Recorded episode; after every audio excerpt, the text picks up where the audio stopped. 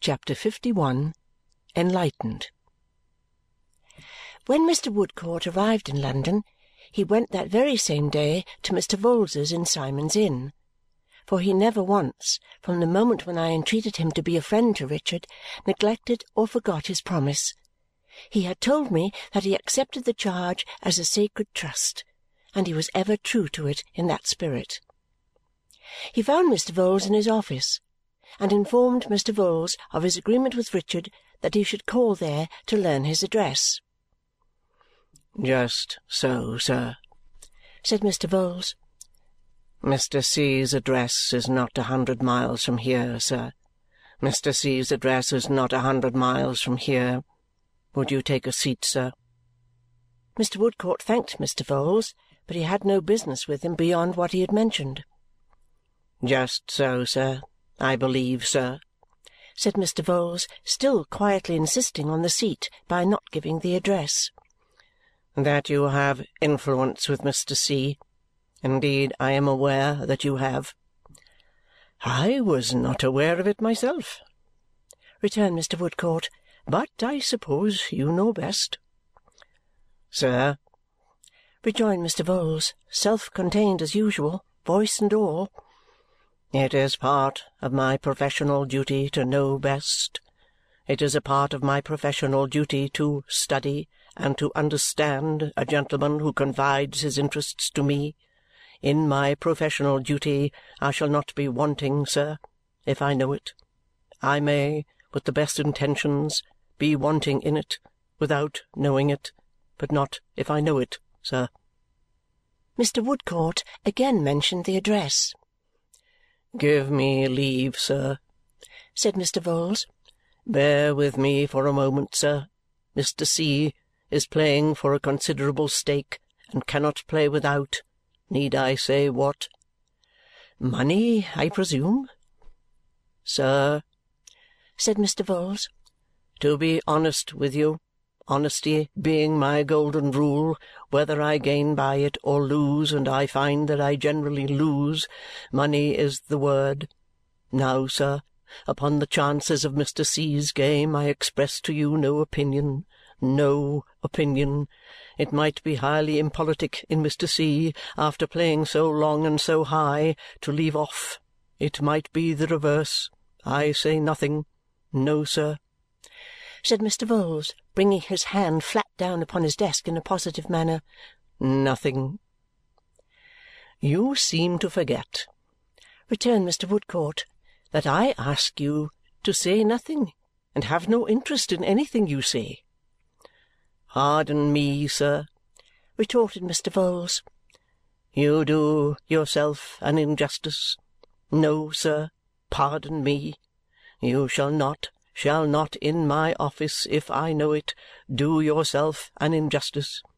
You are interested in anything and in everything that relates to your friend. I know human nature much better, sir, than to admit for an instant that a gentleman of your appearance is not interested in whatever concerns his friend." "Well," replied Mr. Woodcourt, "that may be. I am particularly interested in his address. "The number, sir," said Mr. Vholes parenthetically, "I believe I have already mentioned. If Mr. C. is to continue to play for this considerable stake, sir, he must have funds.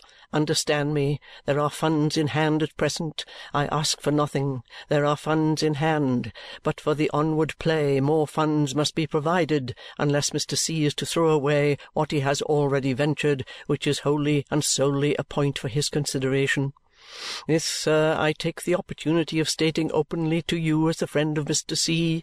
Without funds I shall always be happy to appear and act for Mr. C. to the extent of all such costs as are safe to be allowed out of the estate, not beyond that. I could not go beyond that, sir, without wronging some one. I must either wrong my three dear girls or my venerable father, who is entirely dependent on me in the Vale of Taunton, or some one. Whereas, sir, my resolution is, call it weakness or folly if you please, to wrong no one." Mr. Woodcourt rather sternly rejoined that he was glad to hear it. "I wish, sir," said Mr. Vholes, to leave a good name behind me. Therefore I take every opportunity of openly stating to a friend of Mr. C. how Mr. C. is situated. As to myself, sir, the labourer is worthy of his hire. If I undertake to put my shoulder to the wheel, I do it, and I earn what I get. I am here for that purpose. My name is painted on the door outside with that object." "And Mr. Carstone's address, Mr. Vholes?" "Sir," returned Mr. Vholes. As I believe I have already mentioned, it is next door. On the second story you will find Mr. C.'s apartments. Mr. C. desires to be near his professional adviser, and I am far from rejecting, for I court inquiry." Upon this, Mr. Woodcourt wished Mr. Vholes good day and went in search of Richard, the change in whose appearance he began to understand now but too well. He found him in a dull room fadedly furnished, much as I had found him in his barrack room but a little while before, except that he was not writing, but was sitting with a book before him from which his eyes and thoughts were far astray. As the door chanced to be standing open, Mr. Woodcourt was in his presence for some moments without being perceived, and he told me that he never could forget the haggardness of his face and the dejection of his manner before he was aroused from his dream. "Woodcourt, my dear fellow!" cried Richard, starting up with extended hands. "You come upon my vision like a ghost." "A friendly one," he replied, "and only waiting, as they say ghosts do, to be addressed. How does the mortal world go?" They were seated now, near together. "Badly enough, and slowly enough," said Richard speaking at least for my part of it. What part is that? The Chancery part. I never heard, returned Mr. Woodcourt, shaking his head, of its going well yet. Nor I, said Richard moodily. Who ever did? He brightened again in a moment and said with his natural openness, Woodcourt, I should be very sorry to be misunderstood by you even if I gained by it in your estimation. You must know that I have done no good this long time. I have not intended to do much harm, but I seem to have been capable of nothing else. It may be that I should have done better by keeping out of the net into which my destiny has worked me, but I think not, though I dare say you will soon hear, if you have not already heard, a very different opinion. To make short of a long story, I am afraid I have wanted an object, but I have an object now, or it has me, and it is too late to discuss it. Take me as I am and make the best of me. A bargain, said Mr. Woodcourt. Do as much by me in return. Oh, you, returned Richard, you can pursue your art for its own sake and can put your hand upon the plough and never turn, and can strike a purpose out of anything. You and I are very different creatures. He spoke regretfully and lapsed for a moment into his weary condition. Ah, well, well, he cried, shaking it off. Everything has an end. We shall see. So, you will take me as I am and make the best of me. Ay, indeed I will, they shook hands upon it laughingly, but in deep earnestness. I can answer for one of them with my heart of hearts. "You come as a godsend," said Richard, "for I have seen nobody here yet but Vholes. Woodcourt, there is one subject I should like to mention, for once and for all, in the beginning of our treaty. You can hardly make the best of me if I don't. You know, I dare say, that I have an attachment to my cousin Ada. Mr. Woodcourt replied that I had hinted as much to him. Now, pray, returned Richard, don't think me a heap of selfishness. Don't suppose that I am splitting my head and half breaking my heart over this miserable Chancery suit for my own rights and interests alone. Ada's are bound up with mine, and they can't be separated. Vholes works for both of us. Do think of that. He was so very solicitous on this head that Mr. Woodcourt gave him the strongest assurances that he did him no injustice.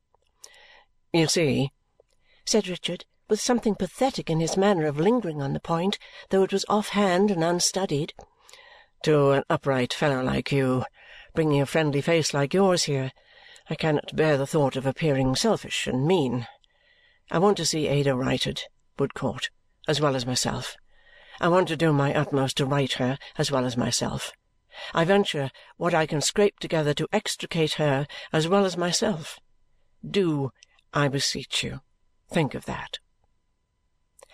Afterwards, when Mr. Woodcourt came to reflect on what had passed, he was so very much impressed by the strength of Richard's anxiety on this point that in telling me generally of his first visit to Symond's Inn, he particularly dwelt upon it. It revived a fear I had had before that my dear girl's little property would be absorbed by Mr. Vholes and that Richard's justification to himself would be sincerely this. It was just as I began to take care of Caddy that the interview took place, and I now returned to the time when Caddy had recovered and the shade was still between me and my darling. I proposed to Ada that morning that we should go and see Richard. It a little surprised me to find that she hesitated and was not so radiantly willing as I had expected. "My dear," said I, "you have not had any difference with Richard since I have been so much away?" "No, Esther." "Not heard of him, perhaps?" said I. "Yes, I have heard of him," said Ada. Such tears in her eyes and such love in her face, I could not make my darling out. Should I go to Richard's by myself? I said. No, Ada thought I had better not go by myself. Would she go with me? Yes, Ada thought she had better go with me. Should we go now? Yes, let us go now. Well, I could not understand my darling, with the tears in her eyes and the love in her face. We were soon equipped and went out. It was a sombre day, and drops of chill rain fell at intervals. It was one of those colourless days when everything looks heavy and harsh. The houses frowned at us, the dust rose at us, the smoke swooped at us. Nothing made any compromise about itself or wore a softened aspect. I fancied my beautiful girl quite out of place in the rugged streets, and I thought there were more funerals passing along the dismal pavements than I had ever seen before. We had first to find out Symond's Inn. We were going to inquire in a shop when Ada said she thought it was near Chancery Lane. "We are not likely to be far out, my love, if we go in that direction," said I. So to Chancery Lane we went, and there, sure enough, we saw it written up, Symond's Inn. We had next to find out the number. Or Mr. Vholes's office will do, I recollected, for Mr. Vholes's office is next door. Upon which Ada said perhaps that was Mr. Vholes's office in the corner there. And it really was. Then came the question which of the two next doors. I was going for one, and my darling was going for the other, and my darling was right again. So up we went to the second story when we came to Richard's name in great white letters on a hearse-like panel. I should have knocked, but Ada said perhaps we had better turn the handle and go in. Thus we came to Richard, poring over a table covered with dusty bundles of papers, which seemed to me like dusty mirrors reflecting his own mind. Wherever I looked, I saw the ominous words that ran in it repeated, Jarndyce and Jarndyce. He received us very affectionately, and we sat down. "If you had come a little earlier," he said, "you would have found Woodcourt here. There never was such a good fellow as Woodcourt is. He finds time to look in between whiles when anybody else with half his work to do would be thinking about not being able to come. And he is so cheery, so fresh, so sensible, so earnest, so everything that I am not, that the place brightens whenever he comes and darkens whenever he goes again. God bless him, I thought, for his truth to me. He is not so sanguine, Ada," continued Richard, casting his dejected look over the bundles of papers. "As Vholes and I are usually. But he is only an outsider and is not in the mysteries. We have gone into them, and he has not. He can't be expected to know much of such a labyrinth." As his look wandered over the papers again and he passed his two hands over his head, I noticed how sunken and how large his eyes appeared, how dry his lips were, and how his finger nails were all bitten away. "Is this a healthy place to live in, Richard, do you think?" said I. "Why, my dear Minerva," answered Richard with his old gay laugh, it is neither a rural nor a cheerful place, and when the sun shines here you may lay a pretty heavy wager that it is shining brightly in an open spot. But it's well enough for the time. It's near the offices and near Vholes." "Perhaps," I hinted, "a change from both "Might do me good," said Richard, forcing a laugh as he finished the sentence. "I shouldn't wonder. But it can only come in one way now in one of two ways, I should rather say. Either the suit must be ended, Esther, or the suitor. But it shall be the suit, my dear girl. The suit, my dear girl.